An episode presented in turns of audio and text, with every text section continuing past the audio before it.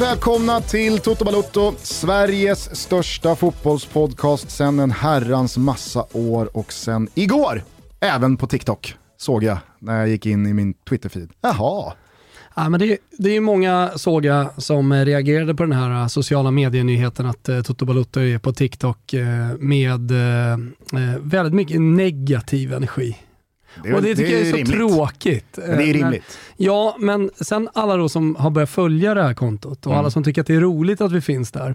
Eh, jag vet att det kommer upp ibland på Twitter, någon som har tagit en skärmdump på ja, men så här, roliga stunder som vi har haft i, i Toto. Mm. Det är inte så att du och jag ska stå och dansa och, och göra roliga grejer på det här kontot. Eller?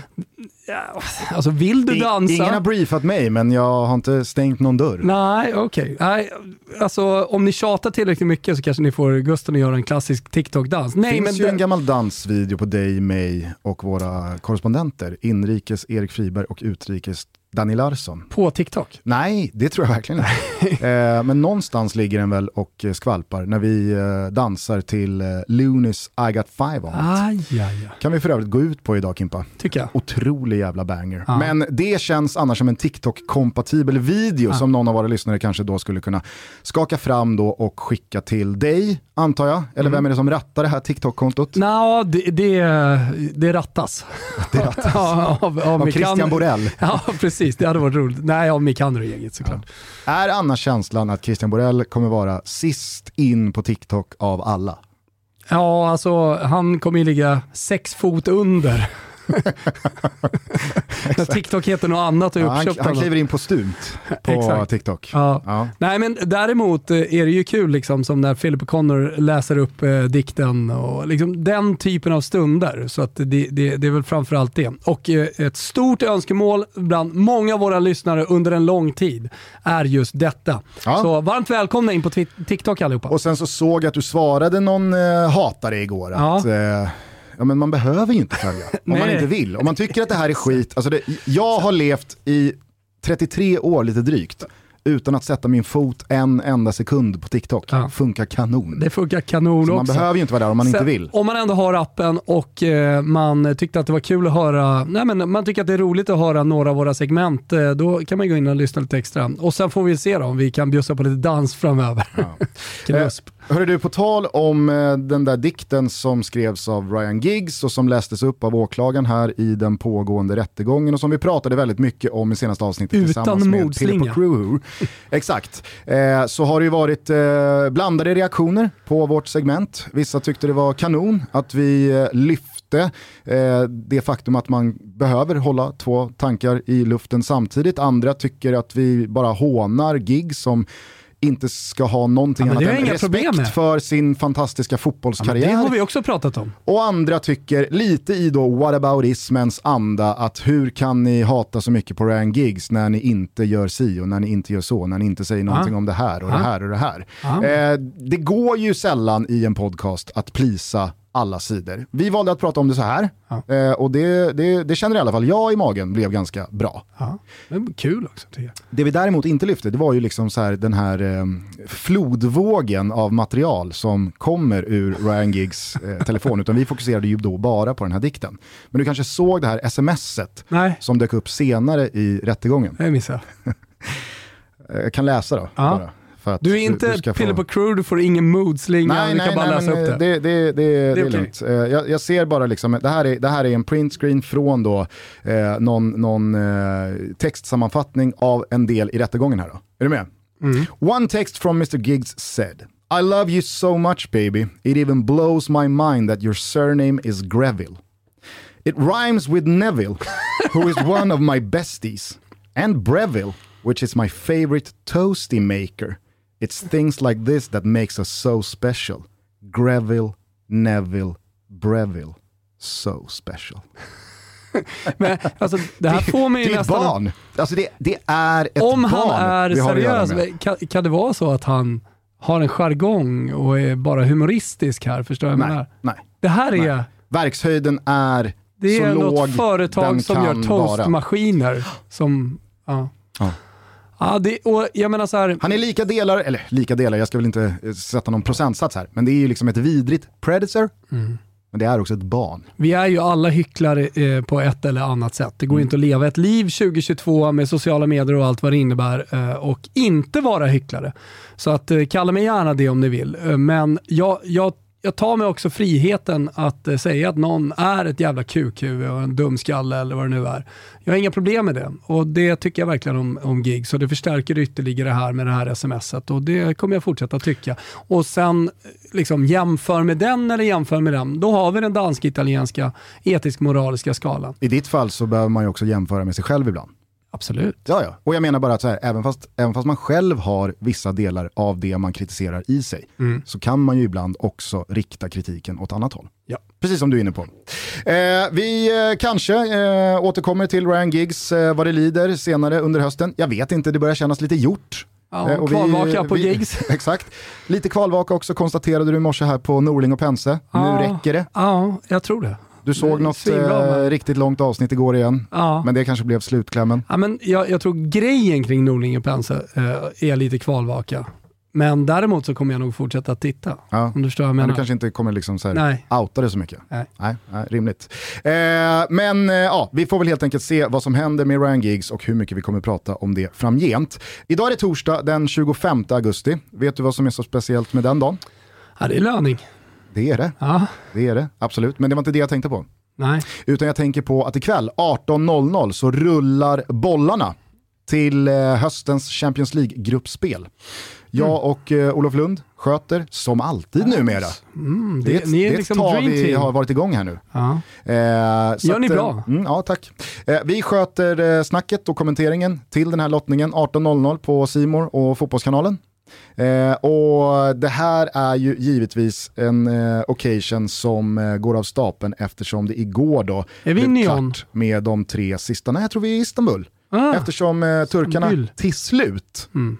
Eh, får sin final. Ja. Eh, du kommer ihåg hela grejen med då, eh, coronan och så kunde inte de, de hade inget utlämnings, eller det var någon jävla jidder med då liksom eh, Turkiets coronalagar när det det. kommer till resande gentemot England och vice versa. Och eftersom det var en hel engelsk final så gick inte det, det blev en bubbla eh, och, och så flyttades det ett år och sen så flyttades det ett år till och sen var det liksom så här, men nu är det Sankt Petersburg som ska, vi kommer inte flytta på oss. Men så fick de flytta på sig ändå i och med kriget. Men då blev det inte Istanbul. Utan då eh, klev ju eh, Paris in. Paris klev in, Så nu exakt. tror jag, tre eller, Det fyra, vart ju inte bra heller nej, med facit i hand.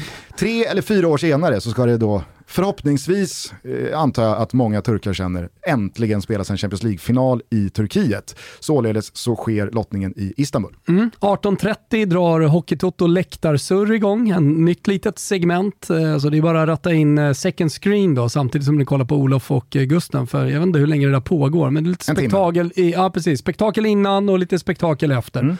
Eh, Men eh, bara eh, for the occasion här, är viktigt att säga också tänker jag, att vi kommer göra specialavsnitt inför Champions League som lite liknar de Tutski-avsnitt vi har gjort tidigare. Nej, inte så lite eller va? Nej, ganska mycket. Alltså vi gjorde ju Tutski Balutski Ja, Champions grupp- League i fjol. Ja, det gjorde vi ja. Så det blir ju samma grej en gång till. Ja, men som eh, lite Ett extra, avsnitt per grupp. Precis, lite extra pepp inför och man får eh, lite eh, mer kött på benen eh, när eh, den största av alla turneringar drar igång. Precis, vi börjar spela in de här avsnitten på måndag och sen så börjar superproducent Kimpa Wirsén att släppa de här i slutet av nästa vecka så att man får alla åtta avsnitt lagom komprimerat till då säsongstarten, den riktiga säsongstarten av Champions League tisdag den 6 september. Perfekt. Jag skulle i alla fall bara säga det att bollarna rullar ju idag eftersom det igår blev klart med de tre sista lagen in i turneringen. Det har ju varit playoff förra veckan och den här veckan. Och igår kväll, sent, så blev det till slut så att kroaterna från Dinamo i Zagreb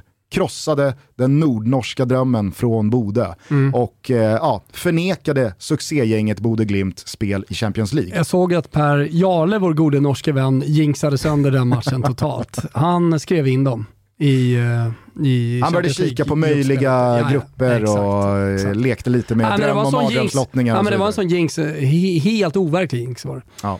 Eh, det blev i alla fall så att Dinamo Zagreb efter förlängning nere i Kroatien då lyckades ta sig förbi Bodø Glimt så att de kliver då återigen in i Champions League. De har varit där ganska frekvent Mm. senaste decenniet. Eh, där välkomnar vi också Rangers från Glasgow. Följde du eh, den lilla twisten då med Antonio Colak? Ja, men jag såg att det, var, det var twist just. Han blev ju Rangers baneman i fjol när han då på Ibrox sköt ur dem, eh, då med Malmö FF-tröjan på sig.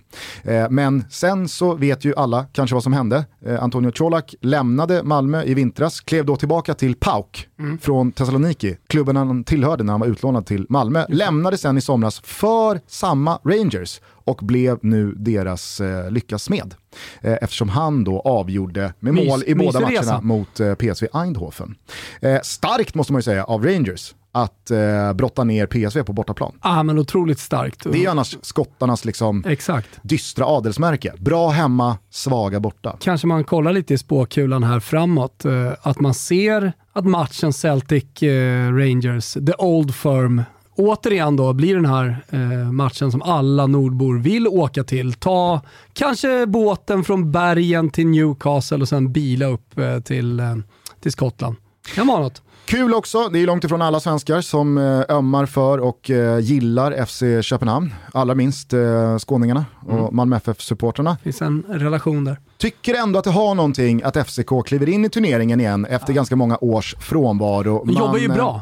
Man led till sig det här avancemanget via 0-0 borta mot Trabzonspor från Turkiet efter att ha segrat starkt. med 2-1 hemma, inte på, utan I i, parken. parken. Ja. Det är någonting med den där prepositionen som, Ja. den, stämmer, stämmer men den stämmer samtidigt inte. Ja, men det är roligt att svenskar överhuvudtaget pratar om prepositioner eftersom vi är det folket i världen som är sämst på våra egna prepositioner.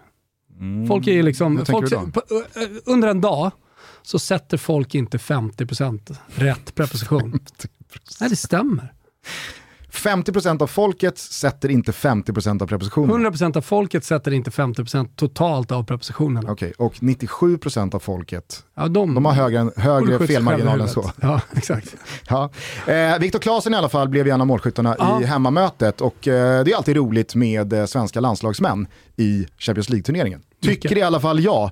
Finns ju de som skiter i precis allting som har med svenskar och svenska lag som inte är deras egna. Mm. Eh, men eh, sån är då inte jag. Eh, I tisdag så blev det dessutom ytterligare tre lag klara då, då givetvis eftersom det här avgörs över två dagar. Då klev Benfica utan pardon in i turneringen. Körde över Dynamo Kiev med klara siffror. Det blev också oerhört spännande mellan Röda Stjärnan och Maccabi Haifa nere i Serbien och i Belgrad. Eh, och Daniel Sundgren av alla jäklar, på tal om roligt med svenska landslagsmän, blev en av målskyttarna för Maccabi Haifa. Sundgren skjuter därifrån. Titta på Daniel Sundgren!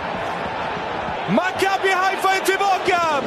Daniel Sundgren reducerar för Haifa! Han klev ju till israelerna lite under radarn efter ett par riktigt bra säsonger i Grekland och eh, Aris. Men det är, väl en, det är väl en ligaflytt som går lite under radarn och det är en spelare som kanske går lite under radarn också. Eh, Det, det är liksom, finns andra spelare som vi har större fokus på i Sverige, tänker ja, jag. Jo, absolut. Och att gå från den grekiska till den israeliska ligan kanske bara får en rubrik och sen så är det inte så mycket mer än så.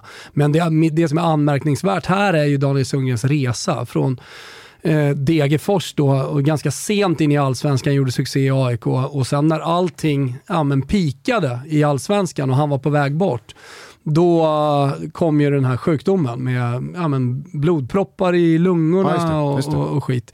Eh, och det var väldigt tveksamt eh, om han överhuvudtaget skulle kunna spela fotboll igen. Eh, jag kommer ihåg för att vi stod varandra ganska nära under den perioden.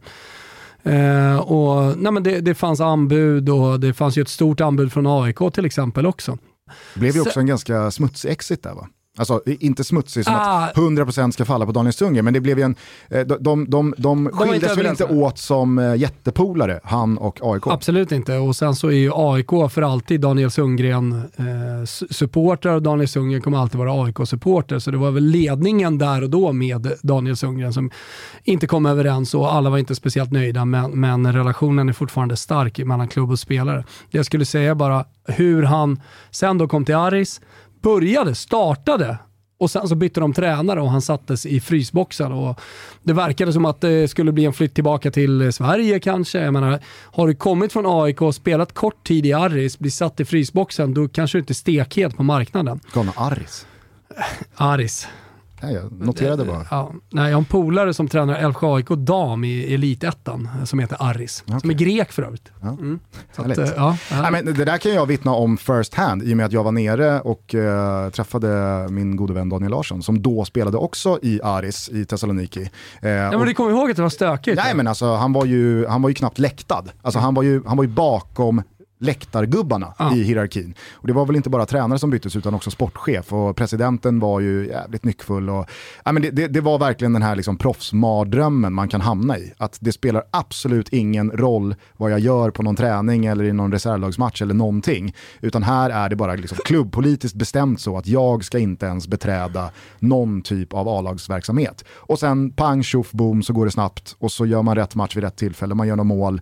Helt plötsligt så börjar supportrarna älska en och så blir man framröstad till månadens spelare och så bara rullar det på. Janne ringer och nu så har han skjutit sitt Maccabi Haifa till Champions League. Ja, med Kristoffer Svanemar, de är ju liksom best buddies som kommenterade matchen av en slump. Och, och, ja, men jag tycker att det är vackert. Vi är väldigt bra på att romantisera spelare och karriärer. Och jag tycker att Daniel Sundgren absolut har en sån karriär som man ja, men skulle kunna göra ett When We Were Kings-avsnitt snudd på om med, med, med de uppförsbackarna han har haft. Och nu står han där och ska spela i Champions League. Det, det, det, är, det är mot alla odds. Eh, och att han dessutom gör mål i den här viktiga matchen det ger extra krydda till eh, liksom, romantiseringen eh, av, av hans karriär. Och som det känns nu med fett kontrakt i Maccabi Haifa så har han ju flera år eh, kvar på karriären. Trots Verkligen. late bloomer och alla problem. Ja, och jag tänker också bara i mitt huvud att det känns oerhört länge sedan Maccabi Haifa var med i Champions League. Jag, jag vill minnas att de har varit med, men det är väldigt många år sedan. Jag känner att jag behöver läsa in det här eh, till, till Blandar ju kvällens lite lottning. ihop Ma- Maccabi Haifa med Tel Aviv också.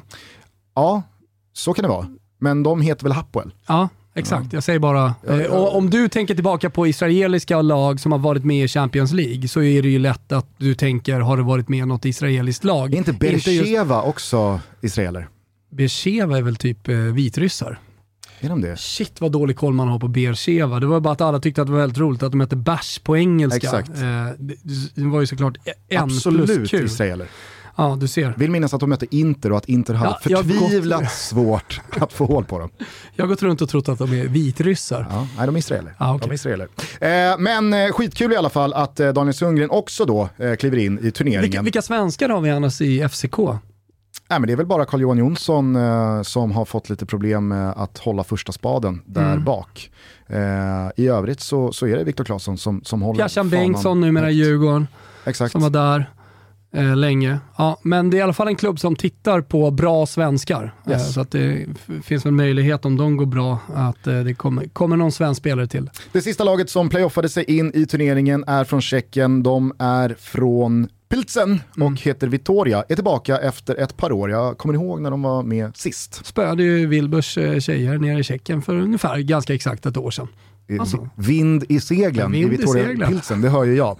Eh, de här sex lagen ansluter ju givetvis till de flesta av the usual suspects som har kvalificerat sig in via ligaplaceringar och vinster i fjol. Men för alla er som vill ha exakt koll på förutsättningarna så rekommenderar vi alltså Simor och Fotbollskanalen ikväll 18.00 då jag och Olof Lund tar er med på Champions League-lottningen. Minigulasch, ja minigulasch bara när vi pratar om eh, Champions League Mhm. och eh, kvalificering in till gruppspelet till eh, damernas Champions League. Eh, när man åkt ur så får man spela placeringsmatch. Rolig match. Kul. Lira, lira boll. Alltså vad då menar du? I, Ja, du åker ur I slutspelet på våren eller? du, nu. Du har, du, du har försökt att kvalificera dig in. Aha. Ja, men typ som Röda Stjärnan. Ja. Åker ur. Spelar en liten kul match efter, som att det vore Gothia Cup. Styr upp en liten träningsfight mot en annan förlorare. Kristianstad fick göra det. Bara för att man ska ha liksom en placering som jag då misstänker bygger någon typ av koefficient och man Kanske. samlar en rankingpoäng till Ingen nästa år om man ska Jag försöka igen. noterade eller? att det var placeringsmatcher som spelades. Fy fan så deppigt. Oerhört ignorant för övrigt kring hela det här uh, placeringsmatchgrejen, så jag vet inget mer. Såg bara att det var så. Ja. Ah, ja, eh, minigulasch då till eh, det otyget. Den, Ja, den skriver jag under på. Toto Balotto säger varmt, varmt välkomna ner i vår lilla båt till Kaval. Och eh, för er som inte har koll på dem så är det alltså din lokala matbutik som levererar alla sorters matvaror hem till din dörr på 10 minuter. Så det är din lokala matbutik, men du behöver inte själv gå dit. Man använder appen för att till exempel klicka hem frukost till dörren utan att lämna sängen. Eller varför inte onsdagens tacokväll utan att köa i matbutiken. Eller söndagens långkok utan att lämna köket. Matvarorna levereras hur då? Jo, med hjälp av Kavals anställda bud på elcykel. Jajamensan. Leverans sker från Kavals egna så kallade dark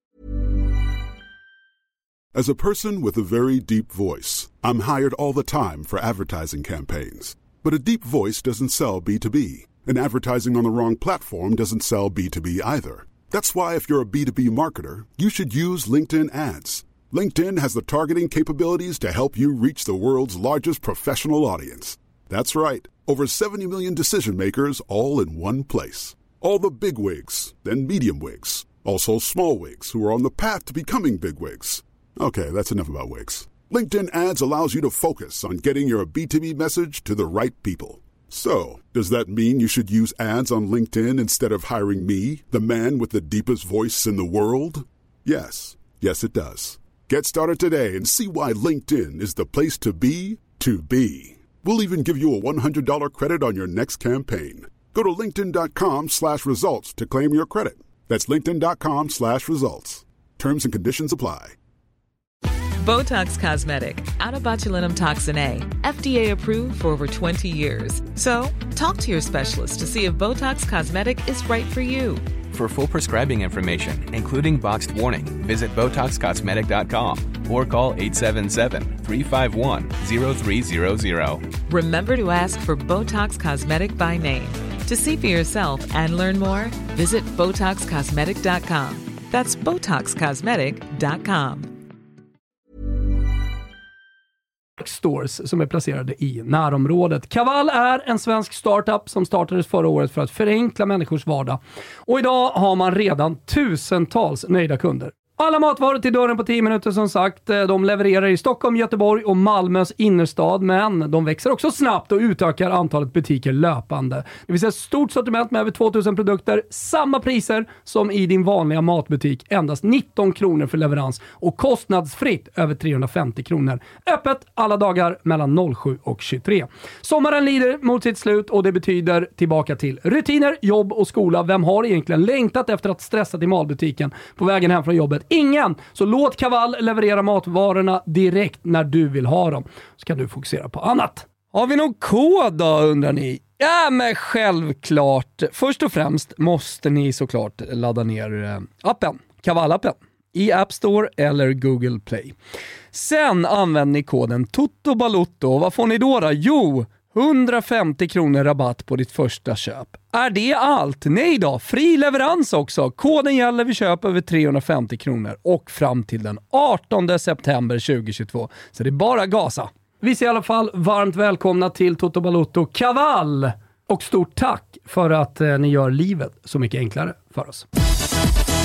Eh, med det sagt då så kanske vi ska ge oss in i den stora bomb som briserade igår efter lunch, nämligen att Alexander Isak av allt att döma, det är ju liksom inte så att man har sett honom i den svartvitrandiga tröjan inne på St. James' eh, inneplan. Men när vissa konton och när vissa nyhetsredaktioner rapporterar att det här är klart, ja men då får man väl helt Ja. enkelt slå fast att det Man är kan ju klart. prata om det som att det är klart, absolut. Jag tror inte att vi kommer att checka upp det. Nej. Eh, Alexander Isak alltså från Real Sociedad till Newcastle för i runda slängar 700 miljoner. Jag läste i Pavlidis, eh, som alltid lika eminenta headlinesvep här i morse, att Alexander Isak tredubblar lönen och vi har ju pratat om Newcastle egentligen senaste året som en klubb med de eh, pengar och resurser som finns i klubben sedan Bin Salmans intåg. Att liksom så här, det, det, det, det säger sig självt att de kommer marschera mot toppen, Mm. mot Champions League, mot titlar. Sen om det tar en säsong, tre säsonger eller fem säsonger, ja det får väl framtiden helt enkelt utvisa. Men det är ju så den moderna toppfotbollen funkar. Att vissa pengar blir till slut omöjliga att värja sig eh, emot rent eh, sportsligt. Och sen ska vi komma in till liksom så här, nästa lager av Newcastle eh, i, i den här diskussionen eh, om, om en liten stund. Om vi bara börjar med det sportsliga. Vad kände du när eh, det i eh, liksom, unison form igår efter lunch bara ramlade in att nu är det klart? Ja, men, eh, egentligen eh, så var det en ganska bra känsla för att jag tycker att Alexander Isak behöver byta miljö. Jag tycker att det har blivit tydligt eh, hela förra säsongen och jag tycker att det Även om man gjorde mål här mot Barcelona, ganska tydligt att eh, Real Sociedad kommer fortsätta spela den fotboll som man gör. Och att, eh, ja, men jag, jag vet inte, jag får bara en känsla av att han har varit där ett tag nu, att han behöver ett miljöombyte.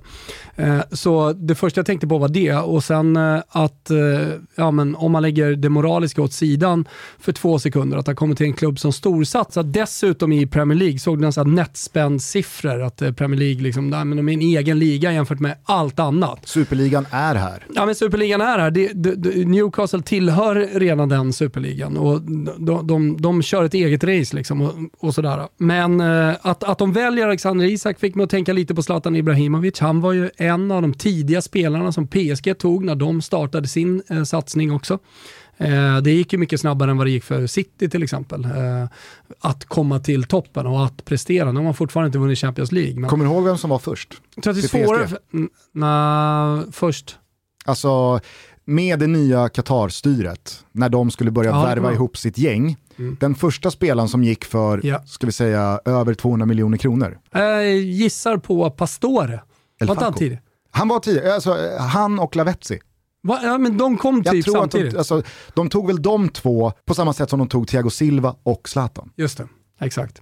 För övrigt ruskigt eh, rolig detalj i Zlatans bok Adrenalina, eh, som jag har läst här eh, sista tiden. Eh, när han då kommer till PSG så har ju Zlatan ingen aning om vem Marco Verratti är. Och när Zlatan ska presenteras så har PSG valt att köra Verrattis spelarpresentation och presskonferens innan Zlatan. Och Zlatan tror på riktigt att det är någon från klubben som typ så här fyller upp glas med vatten och riktar lite mickar. Och, han, har i- han har ingen aning om vem Marco Verratti är.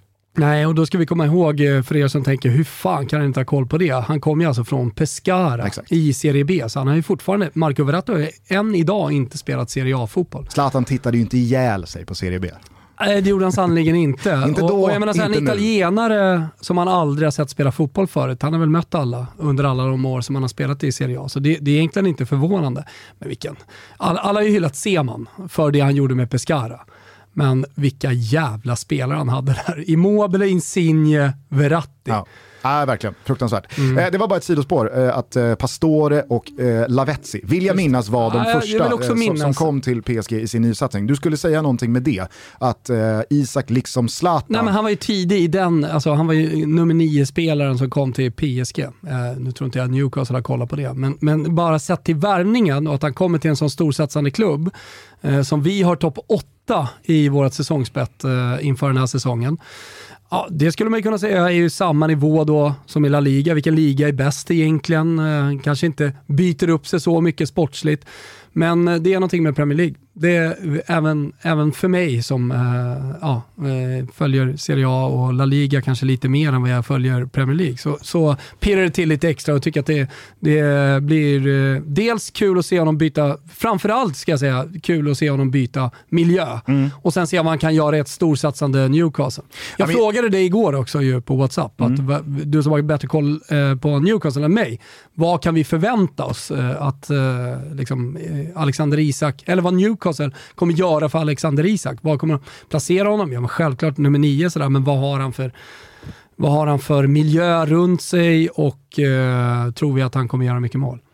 Jag, jag tror att han har kommit eh, rent sportsligt till en helt perfekt miljö. Det finns ännu inga liksom, krav på Newcastle att man ska eh, slåss om en Champions League-plats.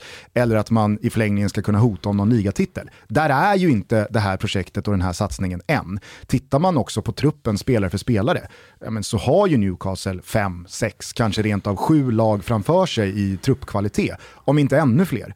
Eh, så att, eh, det tror jag är väldigt bra att inte liksom, det, det, det är inte så att Isak värvas till en klubb för 700 miljoner för att han omgående ska göra 25 mål i ett lag som ska vara med och hota om en ligatitel. Och gör han inte det så kommer han betraktas som en flopp som ska kastas och dumpas på någon soptipp för att då ska nästa värvning köpas in. Utan jag tror att Eddie Howe tillsammans med då Dan Ashworth, va, heter eh, den hyllade sportchefen som lämnade Brighton och alla vet ju vad Brighton har gjort för resa eh, rent eh, sportsligt senaste åren.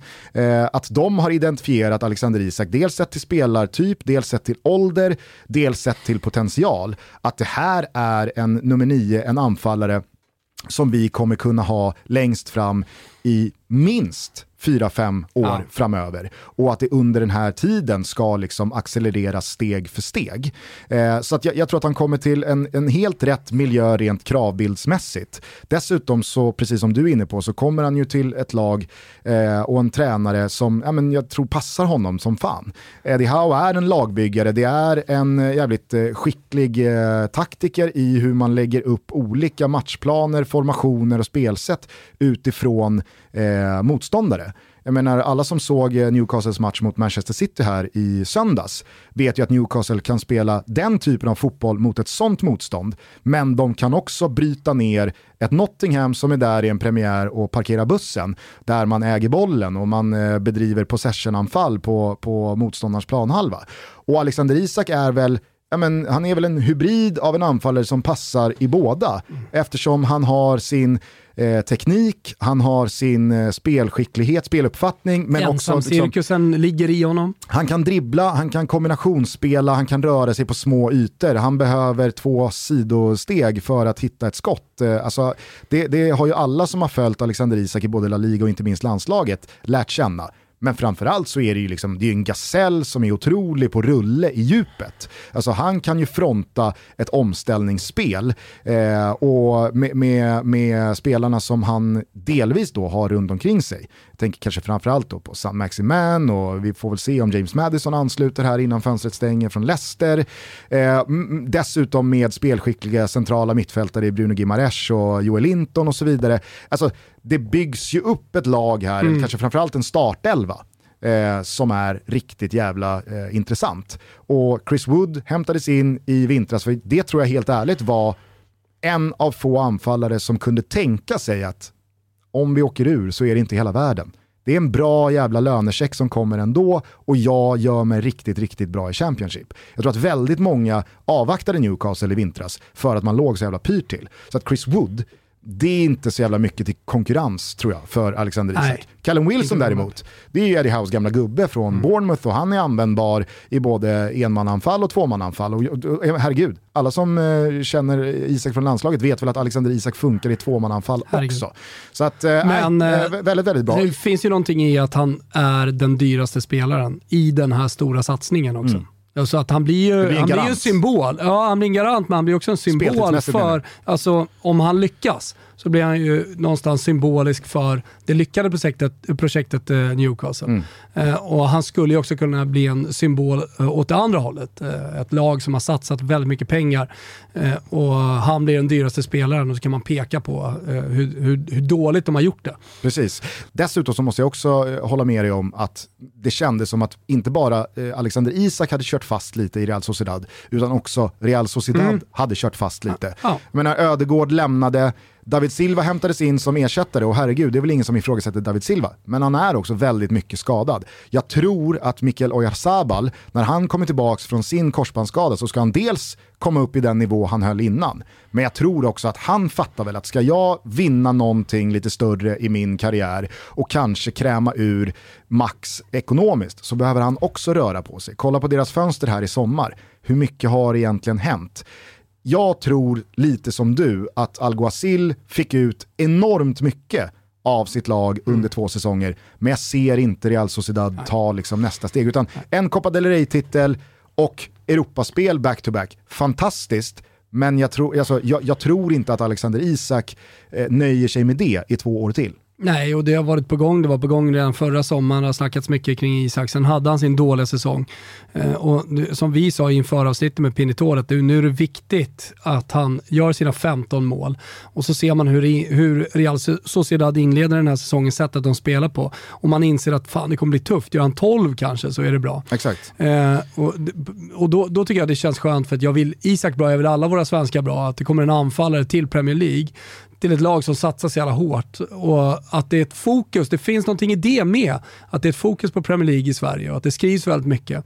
Och att det inte blir liksom skohornat in någon artikel om Alexander Isak här och där, utan han, han kommer liksom tillhöra eh, den största ligan i världen eh, i den klubben eh, som satsar hårdast just nu bakom eh, de, de, stora. Jag tycker också att det är värt att säga till alla de som bara skakar på huvudet åt prislappen 700 miljoner, att vad är det man betalar 700 miljoner kronor för? Alltså, jag är den första att hålla med om att priserna, transfersummorna, pengarna det är det Premier har ballat får ur. Jo, men alltså, här, det har Premier ju ballat League ur. får en egen prislapp. Såklart. Och, och, och det här är viktigt att också relativisera. För att ser man till helheten Alexander Isak, ålder, potential och vad han de facto har uträttat. Alltså det här är en spelare som en säsong så sent som för ett drygt år sedan gick i mål med 17 gjorda i La Liga. Det är en spelare som i ganska många år nu har bevisat sig på landslagsnivå. Alltså, minns hur det lät för ett år sedan i eh, EM-studierna, inte bara i Sverige utan runt om i fotbollseuropa. Och då gjorde inte ens Isak några mål, utan det var ändå en spelmässig insats gång efter annan som imponerade på precis alla. Och jag tror att när man sätter det i relation till 700 miljoner så kan det också vara värt att komma ihåg att Nottingham bara för någon vecka sedan hostade upp 500 miljoner för Morgan Gibbs White. Vet du vem Morgan Gibbs White är? Ingen Nej. Aldrig hört. Nej, men och, och, det, är så här, det är för någon som ändå i din position följer fotbollen och Premier League hyfsat nära rimligt. Mm. Alltså det här är en engelsk, liksom, i marginalen landslagsman mm. som har spelat i Wolves Nej, i två säsonger, typ utan att ha liksom, gjort eh, något, större nummer för sig. Ja. 500 miljoner kostar han. Mm. Och jag vet ju liksom, vilken affär jag tror mest på i förlängningen. Och, och, och vem jag tycker har gjort den bästa affären så här initialt. Gibbs White har inte gjort någonting i Nottingham än, Isak har inte gjort någonting i Newcastle. Den ena kostar 700, den andra kostar 500. Mm, det ena är de färska prestationerna. Ja, men det, det, ena är ju de färska eh, prestationerna, hur såg han ut eh, förra säsongen? Eh, det andra är liksom, vem är Alexander Isak? Alltså om en scout tittar på honom, en sportchef tittar på honom. Jag tror att alla som har något slags fotbollsöga förstår att Alexander Isak fortfarande är i inledningen av sin karriär, att han har fortfarande väldigt mycket att utveckla. Och att slutprodukten Alexander Isak kommer vara ruskigt jävla bra och kommer göra ruskigt jävla många mål. Och det är det Newcastle äh, köper här nu för väldigt mycket pengar. Nysignat kontrakt hyfsat också väl med Real Sociedad. Mm, så det fanns ju liksom ingen, ja, precis, det fanns liksom inget om ett år så är han billigare eller sådär heller. Och, och eh, kanske att man kände lite som vi när vi satte över 14,5 mål och, och hittade specialspel med honom. Eh, att eh, de, den här prislappen i maj kommer vara, det kommer vara betydligt fler klubbar som är intresserade. Och det har ju vi pratat om tidigare. Det är svårt att hitta eh, spelartypen Håland, Isak, unga som kommer leverera över tid. Sen, I fotboll, alltså, det finns ju inte så jävla många nummer nior som är eh, ensamcirkusar och, och har den flexibiliteten som både Håland och Alexander Isak har i sitt spel. Sen ska man väl också lyfta aspekten att eh, utköpsklausulen på Isak var väl satt till 90 miljoner euro, alltså 900 miljoner kronor. Den möter inte, den aktiverar inte Newcastle. Däremot så lägger de 70 miljoner eller 700 miljoner kronor och Real Sociedad accepterar. Det kan ju också vara för att Real Sociedad känner att är det värt gamblen? Vad händer ifall Isak har en säsong till, lik den i fjol, går i mål på fem gjorda, Real Sociedad slutar åtta, Finns det ens 700 miljoner på bordet då? Alltså det är ju en möjlighet också åt andra hållet. Mm. Så jag, och sen så går det inte att jämföra, det går inte att jämföra pengar rakt av. Som vad kostade Håland? Kostade något liknande va? För... Ja fast där var det ju en aktiverad... Det är det jag menar. Alltså det var ju en aktiverad utköpsklausul. Exakt, och det finns andra pengar inblandade. Så att den totalaffären blir ju väldigt mycket dyrare än Alexander Isak. Jag har inte sett några siffror på vad han kommer tjäna. Nej, det, alltså, vad, vad, kan han ligga på? Kan han ha en, eh, alltså, säg att han i Real Sociedad har haft 25 millar om året? Ja. Halv miljon i veckan? Mm. är väl rimligt Mm. att tänka efter, alltså i i det här nya kontraktet. Eh, och så rapporterar då Pavlidis via headlines då, det är inte Pavlidis som rapporterar det här. Han, Han, han, han för bara vidare informationen från utländsk media, att han tredubblar sin lön. Och det är väl rimligt att han kanske går in på en och en halv miljon i veckan. Mm. Eller? Ja, absolut. Det var ungefär vad jag gissade på igår. Alltså jag tar ju alltid det italienska måttet när jag räknar pengar och sa 60 miljoner netto. Jag tror jag skulle säga 60, mil- 60 miljoner lire. Du är kvar i liren. Ja, exakt. Nej, det hade varit för starkt. Alltså. Kan du fortfarande räkna ut lire? Ja, alltså jag, jag, jag kan ju hur liren stod i slutet där. Att tusen lire var fem kronor. Det kan alla som ojar sig över inflationen här Ja. komma ihåg. Exakt. Eh, men eh, med det sagt då, så var jag, ja, men då blir det ju, eh, enligt det du säger, blir det väl ungefär eh, 75 miljoner netto. Ja, precis. Alltså jag var inte jättelångt ifrån. Netto, brutto, jag säger som Netto. Sengin, vad fan spelar det för roll? Ja, Det är ju sekundärt. Sekundärt. det är bara vi i Sverige som pratar bruttopengar. Det moraliska och eh, etiska då? Jag menar, det finns ju eh, tre stycken eh, högaktuella, väldigt, väldigt känsliga territorium att liksom överhuvudtaget doppa tån i. Det är VM i Qatar, det är Newcastle och det är Ryssland. Eh, och, och det här har ju märkts eh, hemma i Sverige, inte minst då eh, senaste tiden i och med att Henrik Stensson valde att lämna PGA-tourerna och inte minst då sitt uppdrag som Ryder Cup-kapten för Europa. Det enligt honom själv då citat mest ärofyllda som skett eh, för att då gå till den Saudi-finansierade LIV touren som är en eh, produkt av samma då Public Investment Fund, eh, Saudiarabiens statliga liksom, investeringsfond som köper upp eh, grejer för att sportswasha och tvätta Saudiarabiens högst tvivelaktiga rykte när det kommer till inte minst då, mänskliga rättigheter. Eh, Henrik Stensson, eh, han, han eh, fick ju verkligen sina fiskar varma eh, precis överallt här för att han har gjort det här beslutet. Och lite samma tendenser fanns ju igår inte alls samma unisona personliga påhopp mot Alexander Isak, att nu ska vi liksom flå honom levande. Men det var ju väldigt många som red ut och ja, men, eh, var, var ytterst tveksamma till eh, att en del av oss, eller ganska många, alltså initialt tyckte att det var kul att Alexander Isak rent sportsligt gör den här flytten för de här pengarna, hamnar i det här laget, hamnar i den här ligan, ger sig själv möjligheterna att då maxa sin karriär både ekonomiskt och kanske framförallt då fotbollsmässigt. Mm. Nej, men, eh, jag, jag tycker att det är svårt att navigera bland annat. Alltså, man, alla, alla fotbollssupporter måste ha så mycket kunskap kring eh, ägare och eh, själv sätta sin moraliska ribba någonstans för att kunna diskutera fotbollen överhuvudtaget i så fall. Eh, i, I och med att eh, för att, eh, om, du- om du nu ska liksom, följa din moral, då måste du ha koll på vilka ägare det finns i de andra klubbarna också. Och sen så har vi ju då eh, den etisk-moraliska dansk-italienska skalan. Man kanske helt enkelt får sätta ut alla klubbar på den. Och, och där kommer nog Newcastle och Manchester City eh, väldigt högt upp, om inte högst upp. Eh, och sen så får man sätta sin egen ribba och, och Want flexibility? Take yoga. Want flexibility with your health insurance? Check out United Healthcare Insurance Plans. Underwritten by Golden Rule Insurance Company, they offer flexible, budget friendly medical, dental, and vision coverage that may be right for you. More at uh1.com. Say hello to a new era of mental health care.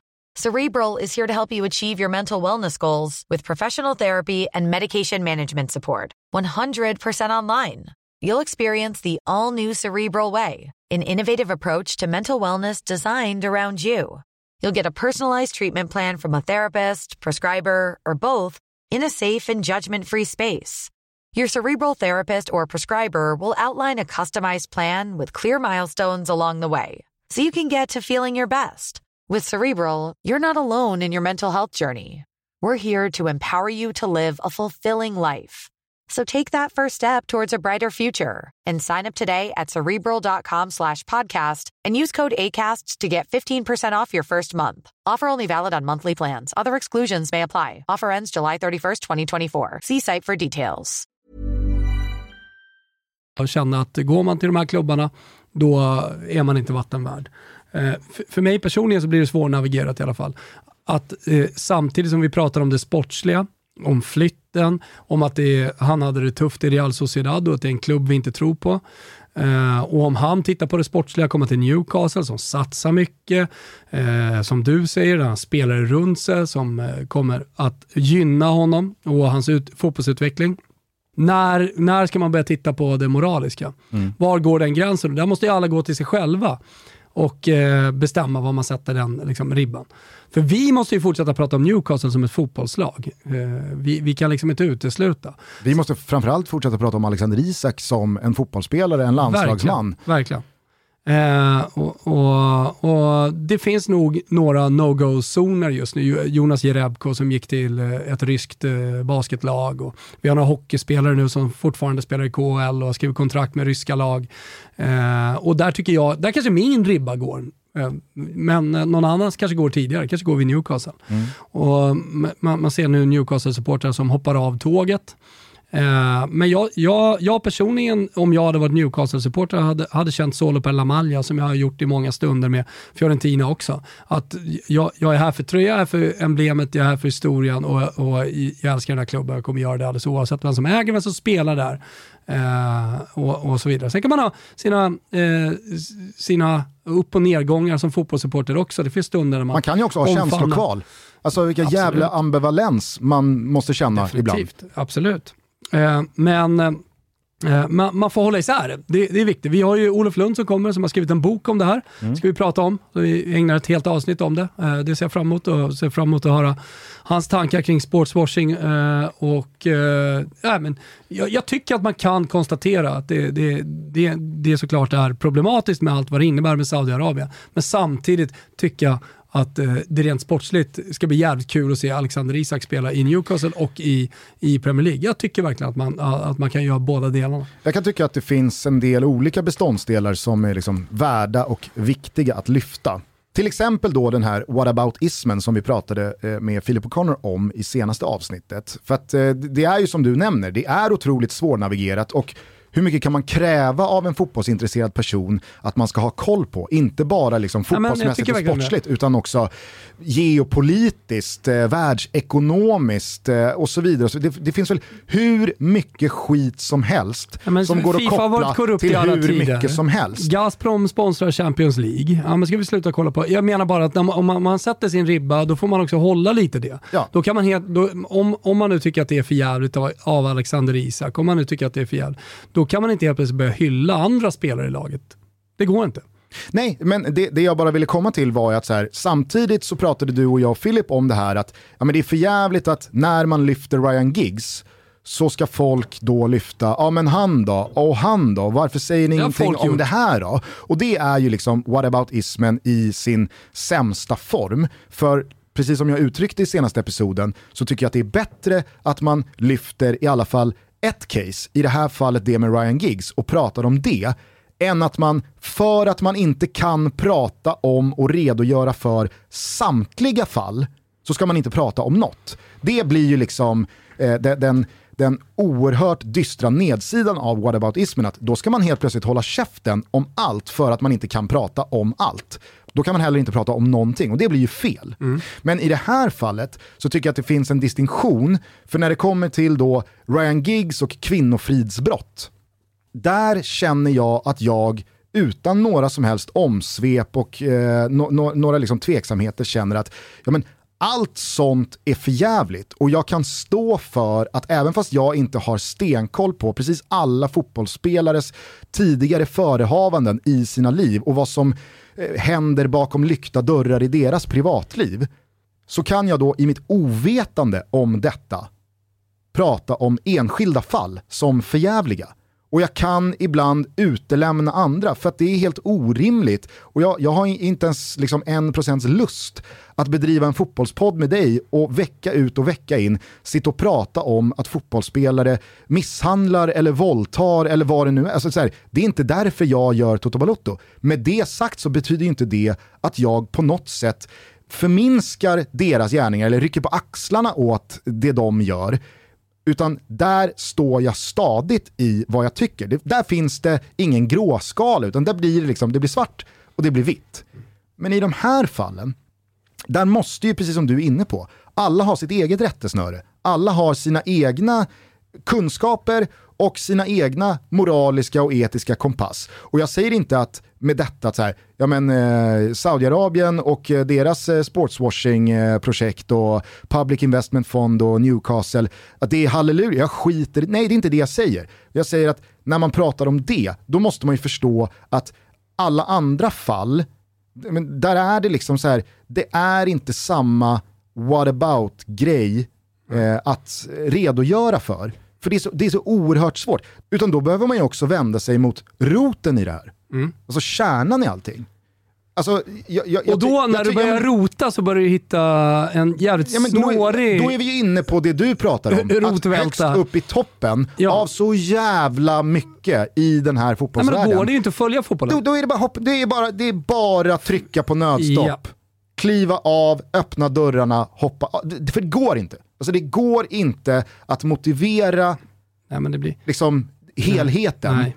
om man ska då eh, smutskasta delen. Jag, jag, jag, alltså så här, självklart ska man kunna smutskasta det Saudiarabien gör med PIF och Newcastle.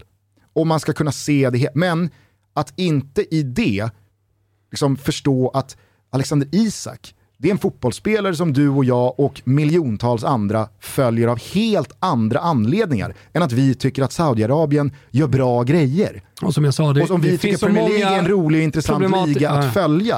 Men det finns så många problematiska ägarstrukturer just nu inom fotbollen.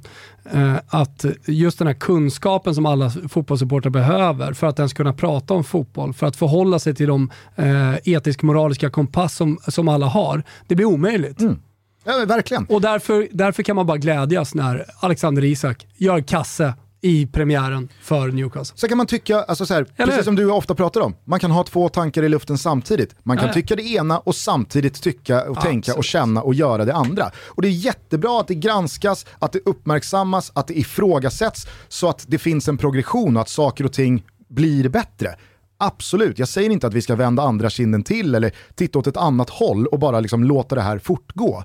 Men i det här shamandet av folk Mm. Exakt. som tycker att det är kul att Alexander Isak går till Newcastle och Premier League. Mm. Eller folk som, fan vet jag, vill se de bästa golfarna i världen spela golf och tänker att nu spelar de på livtouren, då får jag väl kolla på livtouren. Att shamea dem och samtidigt vara liksom en del av hela den här fotbollsvärlden och hela det här fotbollsmaskineriet och i många fall också leva av det. Det blir ett hycklande som jag tycker är Alltså, det, det är både problematiskt och irriterande. Det, det, är också, det är också poserande i många fall. Ja, och sen så, så vill jag verkligen säga det att så här, i det så finns det en distinktion i mig gentemot det vi pratar om i fallet Ryan Giggs. För att det blir liksom inte hycklande, tycker jag, att man lyfter Ryan Giggs och det här eh, som vi har pratat om kring honom, men vi inte lyfter Nej. liksom, the next guy som har gjort någonting likvärdigt. Verkligen. Det, blir inget hyck, det, det är liksom inget hycklande i min värld. Men att sitta och moralisera och etik och moral folk för att man tycker det är kul att Alexander Isak har gått för stora pengar till Newcastle och Premier League, när man samtidigt lever av eller är en del av eller liksom på något sätt i marginalen Accepterar allt det andra hur det som är, sker. men också är en del av den problematik som Ja. man på något sätt liksom motsätter sig. Det blir, det blir, det blir skevt. Ja, jag tycker också det, det blir otroligt skevt. Eh, jag, jag, jag tror också att det, det jag kanske mest far efter i eh, mina tankar här kring kärnan till saker och ting, Mm. det är också de aspekter som på många, många fler sätt i, i, i- grunden är problematiska, men kanske självklart också även för mig, men också för alla andra, svårare att förstå. Och det är ju det att, men, ta bara ja, men, och Sveriges... påverkar mycket mer. Ja, exakt. exakt. Men, det, men det som jag då vill landa i är ju det här som Olof Lund kanske framför alla andra har lyft väldigt mycket senaste halvåret, året. Det är att Sverige som stat också sitter i knät på länder som Saudiarabien och andra gulfländer med olika relationer i form av ja, men hur, hur statsapparaten har sålts ut eller vad vi har för förbindelser till dem rent eh, ekonomiskt eller företagsmässigt. Alltså, det är sådana delar som är exakt samma problematik, bara mycket större, mycket mer fundamentala, men för dig och mig och för liksom vanligt fotbollsintresserat folk såklart svårare att förstå. Och då blir det så lätt, det fattar jag också, att ta det som man förstår, det konkreta i att Alexander Isak nu går för stora pengar till en klubb som Newcastle i ett land och en liga som man själv vet vad det är, som är finansierat av samma land, samma fond, samma pengar, samma liksom, eh, smuts, samma liksom, blodsideal.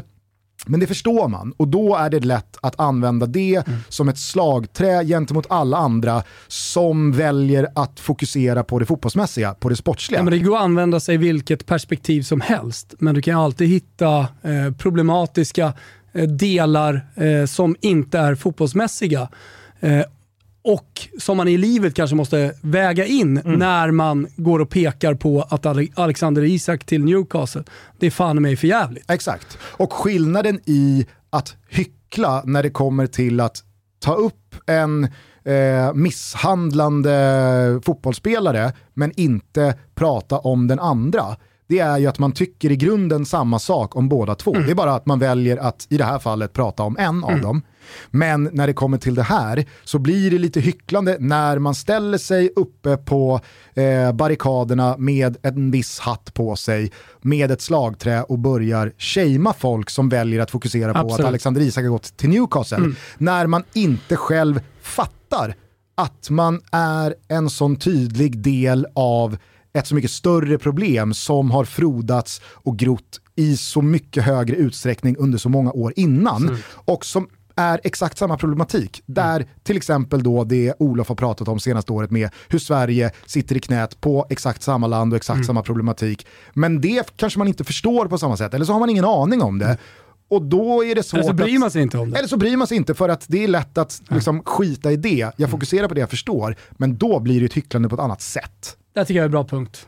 Sen, så får folk göra som de vill. Stå där och pekpinna, stå där och moralisera, stå där och shamea folk, men då kommer man också tvingas alltså, leva med att folk har problem med att man är den personen, med den hatten på sig, med den pekpinnen i handen. Absolut. Och det är väl ett val som folk får göra. Absolut. Vi kommer i alla fall få in Alexander Isak i svepet eh, när han inte gör, sin, inte gör någon Newcastle-premiär, men debut vad det lider. Ja. För vad vet vi om den? Det vet vi ingenting om. Det har inte kommit fram eh, från eh, headlines, eller? Till att börja med så ska han väl stå där med tröjan på sig men eh, på St. det James'. brukar i sådana här fall, när det är så klart som det är men inte officiellt, också eh, börja läggas fram tidslinjer. Ska så här, jag- Då kommer han komma, då kan han göra sin första match. Ja, men ska jag berätta för dig hur det kommer gå till? Ja, men det, det är lite det jag frågar va? Yes, eh, då kan jag tala om för dig att eh, på söndag så spelar Newcastle borta mot Wolves. Eh, den matchen kommer ju Alexander Isak inte ha någonting med att göra. Sen så spelar Kanske Newcastle... presenteras nere på gräsmattan. Nej, nej, så här kommer det bli. Sen spelar Newcastle midweek-match borta mot Liverpool. Där kommer han eh, ingå i truppen. Kanske, kanske gör han ett inhopp.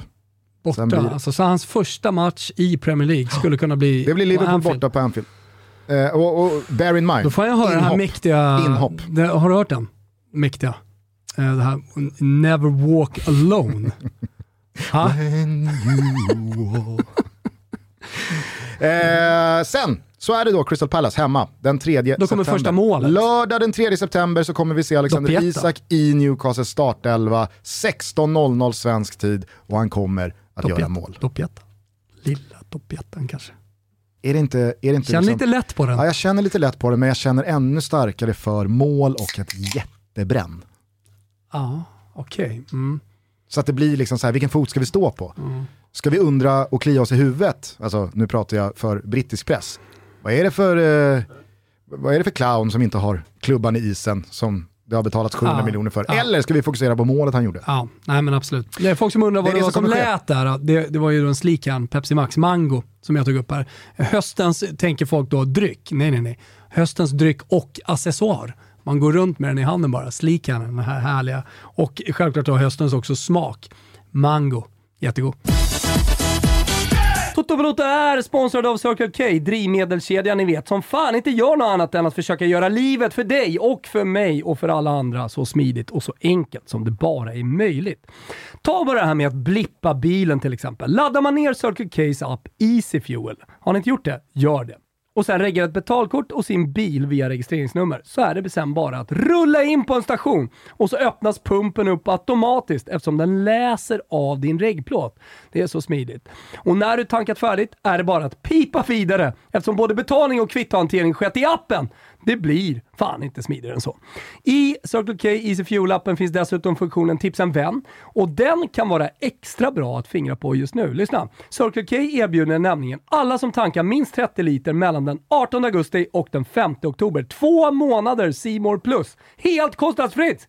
Äh, men hur bra är inte det? Perfekt inför det stora mästerskapet som stundar om inte annat. Erbjudandet gäller för nya kunder av Simor och efter de två kostnadsfria månaderna fortsätter abonnemanget rulla för bara 299 kronor i månaden, helt utan bindningstid.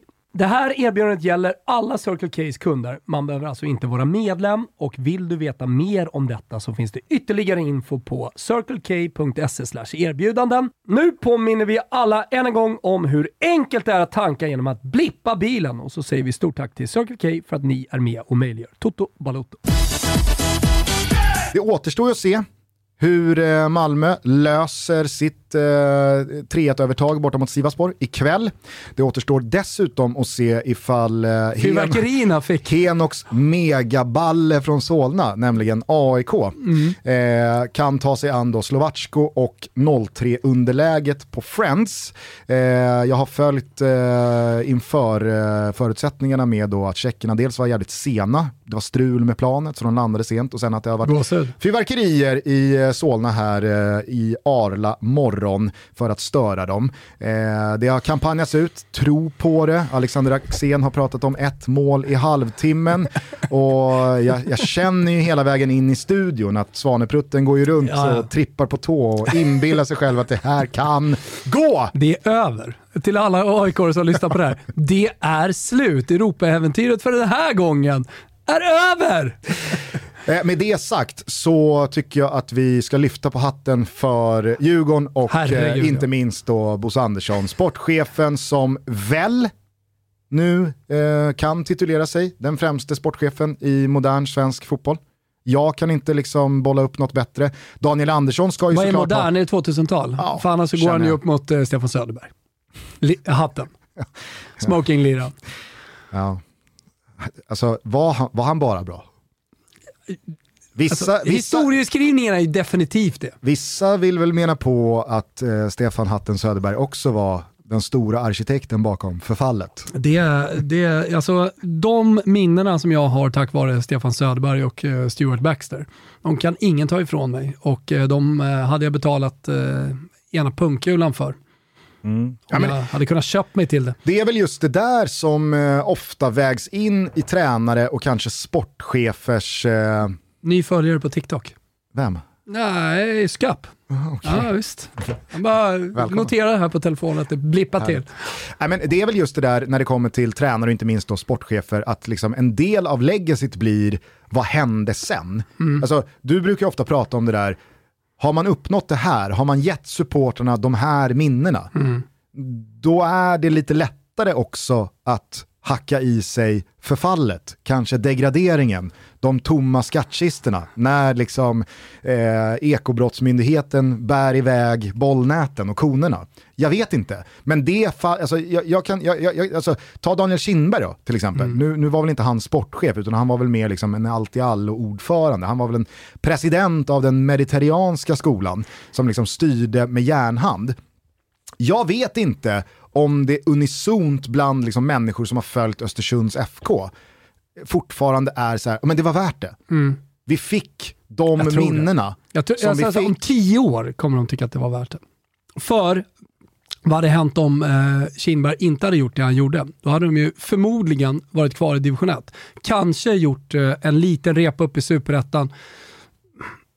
Låg sannolikhet liksom studsa allsvenskan och sen tillbaka. Och eh, alltså de minnena är inte värda speciellt mycket. Det är kul, men det är ingenting som man eh, ja, men, pratar om med barnbarnen på dödsbädden. Nej. Däremot är ju detta det. Alltså, absolut. Och det är det jag menar. Jag att så menar, här, vi kan prata om, eh, vi hade Thomas Brolin här i studion Mm. tidigare. Och du hör ju, han pratar om Parma och det fantastiska laget. Eh, alltså det, det, det var ju ett lag... Eh, men det som, var inte Manentis Parma. Nej men det var Parmalats pa, Parma. Ja. Och eh, Jo, för sig, det, ja. det, det var ju otroligt smutsigt och alla, hela jävla skiten åkte ju dit och sen efter det så har Parma aldrig rest sig. Men vad pratar vi om? Jo, vi pratar om med Thomas Brolin. Ja, det är om sant. hans fantastiska tid i Parma. Som var möjlig för att de fuskade. Ja, eh, och jag vet inte riktigt vad jag far efter. Det jag tror jag far efter är Det- att det- det är så här, återigen här, nu är vi tillbaka med- att, eh, med sig kompassen. In, ja, ja, absolut. Och jag säger bara att det är helt omöjligt för mig att sätta mig in i Djurgårdssupporternas, inte bara hjärta här och nu, utan också eventuella känslor och tankar om det eventuellt skulle braka åt helvete för Djurgården kommande 6-7 åren, Mm. vad känner man då kring Bosse Andersson? Ni har ju själva, det här är, det är, det det mest onödiga, du placerar onödiga liksom, honom just nu på den hypotetiska dansk-italienska etisk-moraliska skalan. Där ligger eventuellt Bosse och Guppa på en trea. Nej men ni har ju själva, det är ett helt Det blir en skala för mycket. fruktansvärt onödigt segment där. ja. Det jag skulle vilja komma till var ju då att i min värld så slår jag nu fast att Bosse Andersson är den främsta sportchefen som jag i alla fall har upplevt eh, i svensk fotboll eh, i modern tid. Med Och han lyckas på, ju för att han är osvensk. Ja, så är det väl. Och vi har ju pratat om liksom det här rövargänget eh, som styr Djurgården med allt från Bosse då till Henke Berggren till Pelle Kotschack och, och liksom H&M i ryggen får vi inte glömma bort. de ligger där och, Och H&M har de barnarbetare. Hur kan man hålla på Djurgården? Exakt. It's a stretch. Nej, men, eh, är du med på vad jag menar? är det något du, avsnitt- du, du hamnar där hela tiden ska- med Brolin och med så H&M och så vidare och så vidare. Och så Ja. vidare. Det jag bara menar är att, alltså så här, nu får väl Malmö FF-supportrar bli hur upprörda de vill. Alltså så här, jag, men när man hyllar Bosse Andersson så pissar man inte på Daniel Andersson. Man pissar inte på Stefan Andreasson eller man pissar inte just nu på Jesper Jansson. Här, du, du fattar vad jag, vad jag vill mena. Jag säger bara Man här kan nu att hylla utan att uh, jämföra också.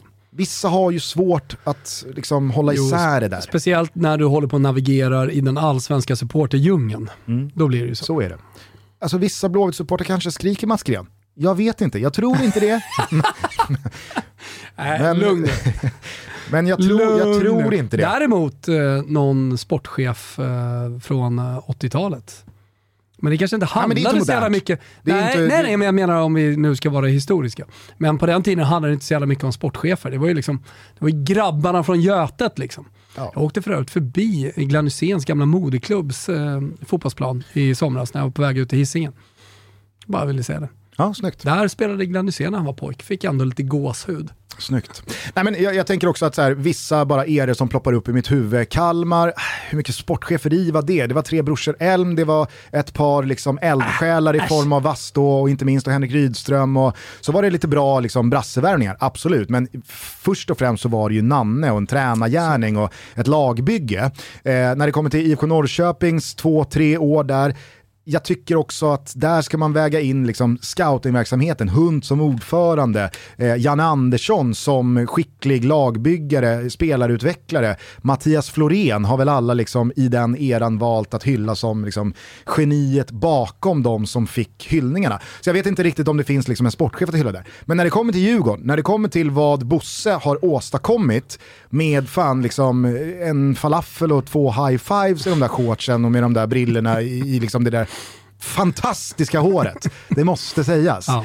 Eh, när han klev Jag är in så, varje gång jag ser han. så var ju Djurgården på botten. Mm. Alltså på botten. Alla kommer ihåg hur det såg ut eh, med Djurgården kring, liksom, eh, alltså, vad heter det? Eh, in, det heter inte decenniumskifte.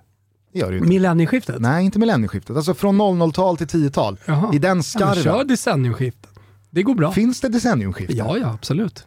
I skarven mellan 00-tal och 10-tal. Snyggare Hur jävla formulerat. liksom, trist eh, och rackigt och eh, skralt det såg ut. Mm. Både i Djurgårdens kassakista men också ute på plan. Eh, fan, det, det, det, var ju, det var ju kval och det var liksom så här, eh, det, det var ju ett lag som man kände, det här, det inte ens över halvan. Inte en chans. Att med, med liksom de förutsättningarna, så jävla eh, envist säsong för säsong har tagit steg, har närmat sig toppen både sportsligt men också ekonomiskt och nu när man alltså konstaterar att Djurgården kliver in i ett europeiskt cupgruppspel för första gången någonsin. Ja, det måste det vara. Jo, men det, det måste det vara. De mötte Juventus med Arning och, Ja, men de, och de, Mackan de, de, Karlsson. de, och brände, de, brände, de var ju aldrig inne i Champions League, det vet jag, men de, de, de, de, var inte, de var inte i Uefa-cupen.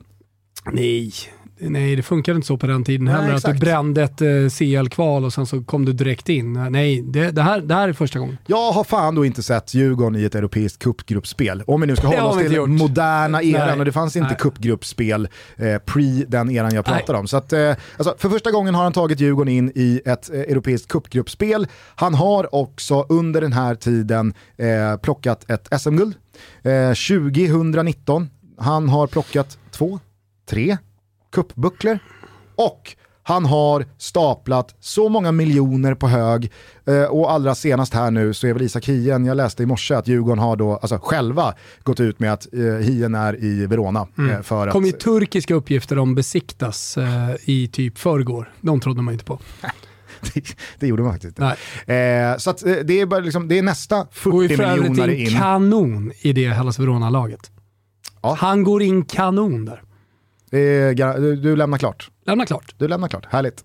Nej, men alla de miljoner han har plockat in, eh, bucklorna som har vunnits, stegen man har tagit, också rekryteringarna man har gjort på liksom, tränarsidan. Alltså att identifiera Kim Bergstrand och Thomas Lagerlöf som så här, Det här här, är Djurgården. det här, Mm. även fast det kommer sticka i ganska många ögon här. Med tanke på liksom historiken senaste 10 åren, 12 åren av spelare med AIK-förflutet som All, har hamnat i allsvenskan är ju så liten och det är så få personer som är bra. Så det blir så jävla svårt hur man eh, ska, återigen då, navigera, även som sportchef. Absolut. Om man hela tiden ska förhålla sig till var alla har varit tidigare. Men det Jesper Jansson, ta han. Mm. Med eh, eh, sent 90-tal, Helsingborg och sen nu då i Bayern. Exakt. Ja, det finns heller inte speciellt många jobb. Så att jag menar, personerna i fråga måste ju försörja sig på ett eller annat sätt. Och att Bosse då gör som Bosse alltid har gjort, nämligen det han tror är... Skickar in Pelle Kotschack och drar Djurgårdshistorien.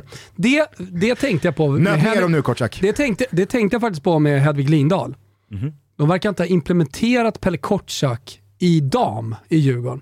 Och det är ett stort fel. Så jag vänder mig till Sean som är sportchef där. Där har han gjort bort sig. Men också litet ansvar. Minigulasch till Pelle Kotschack. Som inte själv kliver in och, och, och kör presentationen på damsidan. Så Dr. Wilbacher ordinerar här nu en tre timmar Ja. lång nerkabbad Yes. bilfärd för Hedvig Lindahl i passagerarsätet bredvid Pelle Kotschack. Jag såg intervjun med Sean. Eh, och där sa han att eh, hon kommer att få sig en lektion i, i, i, fotbolls, i Djurg- Djurgårdens Då vet IF. man vad som och vad vi väntar. är, då vet man vad som väntar henne. Då står Kotschack där Sätt och... det där. kommer en liten powerpoint-presentation. Hedvig! Han kommer med diabilder. Nu, vi ses i klocktornet. Mm. Givet. Nej men eh, alltså, jag, jag skulle bara säga då att Bosse gjorde ju då det han alltid gör, nämligen det han tror är det bästa för Djurgården. Alldeles oavsett om han fattar att det kommer storma lite kring det här. Och så har han bara tuggat på det där och han, nej fan, jag, jag, jag blev så jävla glad eh, för eh, Bosse Anderssons skull när Djurgården löste den här oerhört dramatiska returen eh, borta mot Apoel. Eh, alltså, det, det, är också en, så, det är en fantastisk intervju, alla pratar om Bosse, men med Henke Berggren efter. Jag vet inte om du har sett den? När han står på innerplanen nere på Cypern och... eh, Jag får- läste bara att han, liksom, han, han kom ut från muggen. Ja, nej, men vi kan väl eh, dra ut den här. Alla ni där ute, nu fyller vi Tele2. Och så fyller vi varenda jävla arena ute i Europa vi ska till. Och Elfsborg på måndag. Nu kör vi gubbar! Ja, men det är så jävla roligt att, jag jag förstår ju hans känslor där då. Nu, nu ska Djurgårdens IF, Djurgårdsfamiljen, ut och ta över Europa. Vi ska fylla arenorna ute i Europa. Det är, eh, finns något jävla charmigt och eh, nästan så här naivt i det också. Eh, att man får storhetsvansinne i stunden. Ja. Som jag kan få väldigt mycket kärlek i min kropp för. Jo men och, och det, det, alltså så här, det här är ju någonstans koncentratet av det vi pratade om. Lite upprymt, lite raljerande, lite liksom vi driver men vi har också kul och det är bara lite på låtsas för ett drygt år sedan när vi pratade om Djurgårdens sportsliga ledning som på ett sätt är så, ja men, den, den, den, den andas ju liksom inte samma professionalitet som då, låt säga Malmö FFs dito. Där det är Kalnén och, och, och gänget i, i liksom, eh, Ja, men det kartonghårda skjortkragar, perfekt knutna slipsar, eh, märkeskostymer och det, det, man får känslan av att så här, vi har inte haft ett eh, liksom, sportsligt ledningsmöte här, vi har haft en jävla bolagsstämma. Alltså det är, något, det är något helt annat. Där finns det, det finns bubbelvatten med Malmö FFs eh, emblem på etiketten.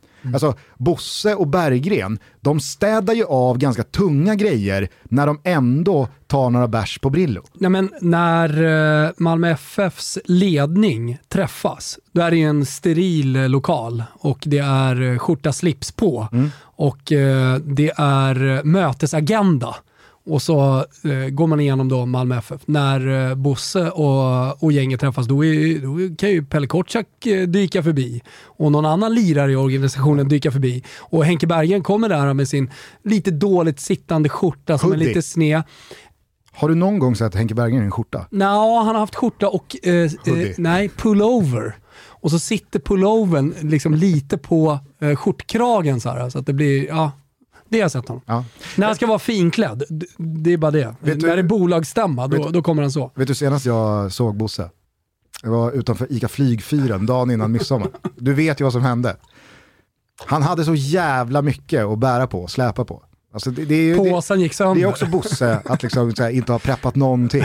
Förrän, dagen Det är innan. 19 timmar till midsommarlunch. Då, då ger sig Bosse kast med att handla på ICA Flygfyren som är späckad med folk dagen innan midsommar. Jag och så är det någon på parkeringen som ropar efter Bosse. Liksom, så här, Heja Djurgården, nu kör vi Bosse, nu, nu, mot guldet. Bosse glömmer ju då givetvis att han bär på två aska jordgubbar, så när han slänger upp tummen för att bara liksom Flyger kör vi ju. Djurgården, tappar han ju jordgubbarna på parkeringen. Det, det är liksom Bosse Andersson. Och så ser han plocka upp dem. Ja, ja. Helvete. Ja, ja.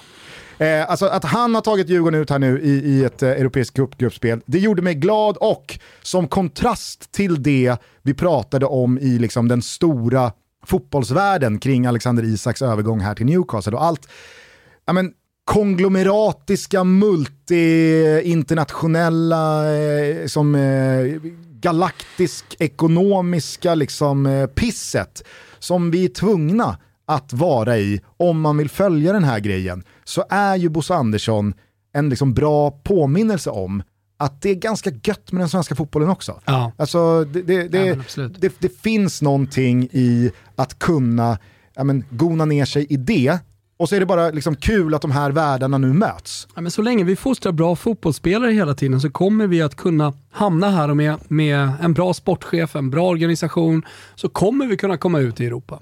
Men då måste vi hela tiden fostra bra fotbollsspelare. Så att allt, det, det, det, det är grunden i allt. Verkligen. Ja, med det sagt så tror jag nog att det är läge för oss att runda av denna veckas andra Toto Balutto. Ja, men vi står också inför en jävla fotbollshelg och eh, vi har tänkt så här den här veckan att vi tar ut en engelsk trippel och en italiensk trippel. Eh, så kan man ju välja om man vill rygga båda eller om man eh, vill rygga en av dem. Givetvis gäller det ju att man är över 18 år om man ska in på Betsson.com och rygga. Eh, den engelska trippen hur som helst, Brentford rak seger mot Everton, studsar tillbaka här efter förlusten senast. Vi tycker Everton ser ut som shit. Eller skulle Philip Crew sagt shite? Ingen aning. Brighton rak seger mot Leeds och sen så över 2,5 mål i Arsenal Fulham. Vad har vi hittat i Italien då? Jo, två stycken överspel. Lazio Inter.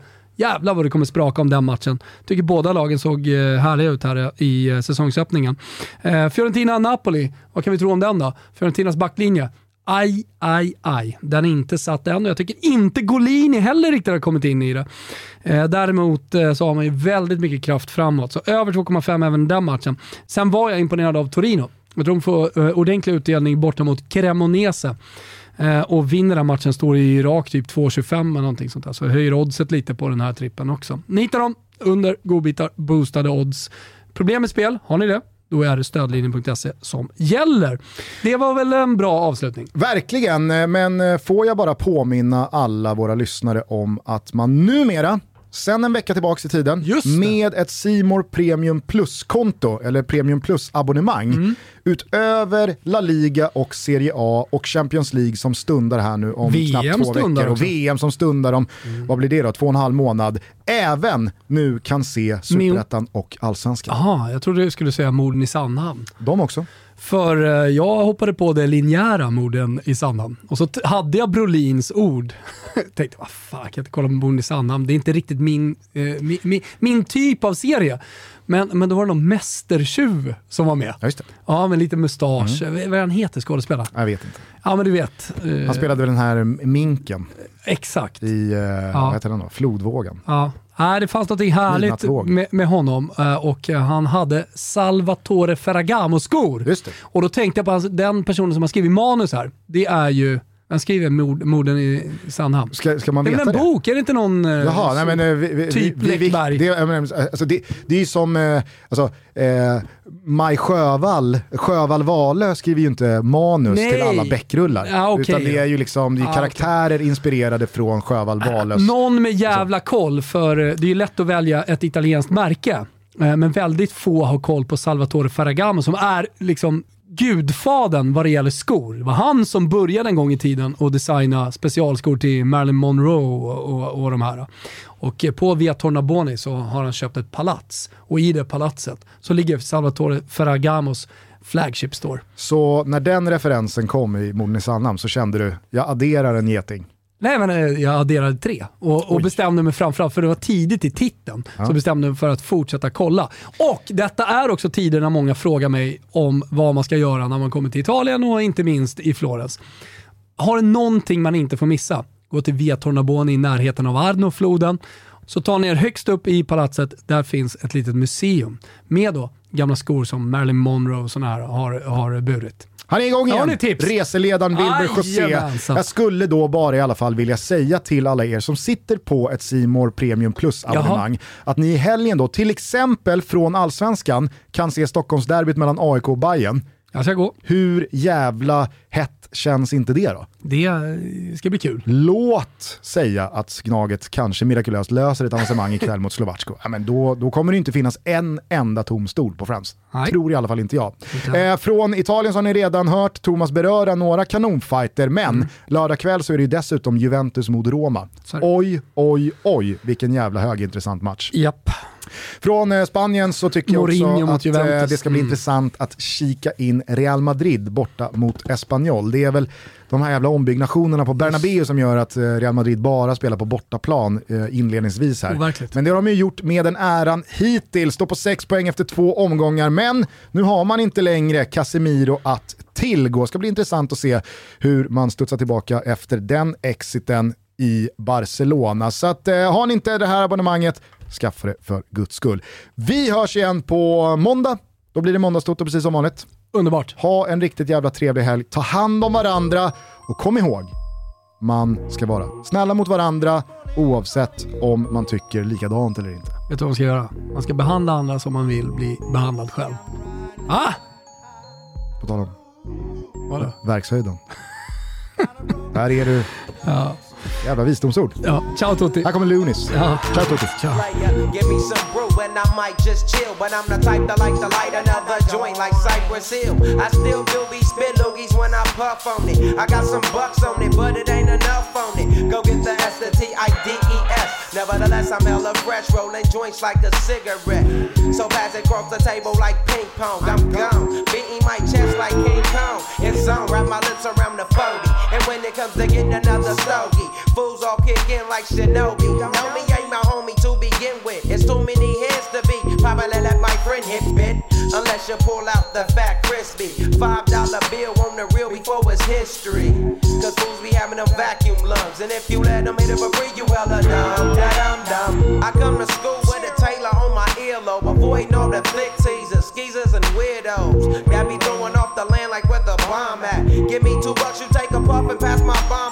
Suck up the dank like a slurpee. The serious bomb will make a nigga go delirious like Eddie Murphy. I got more growing pains than Maggie. Cause homies snag me to take the dank out of the bag.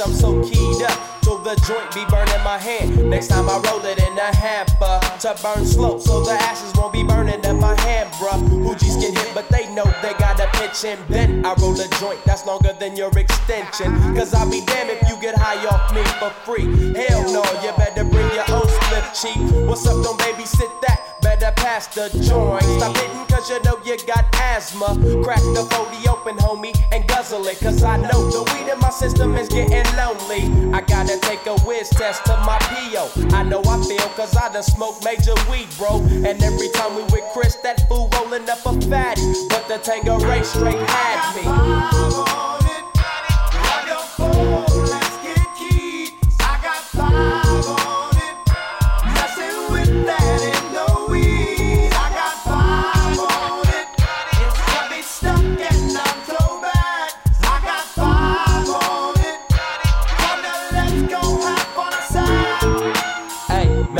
Right, man. Stop at the light, man. My yesterday thing got me hung off the night train. You fade, I fake, so let's head to the east. Hit the stroll tonight, oh, so we can roll big hot sheets.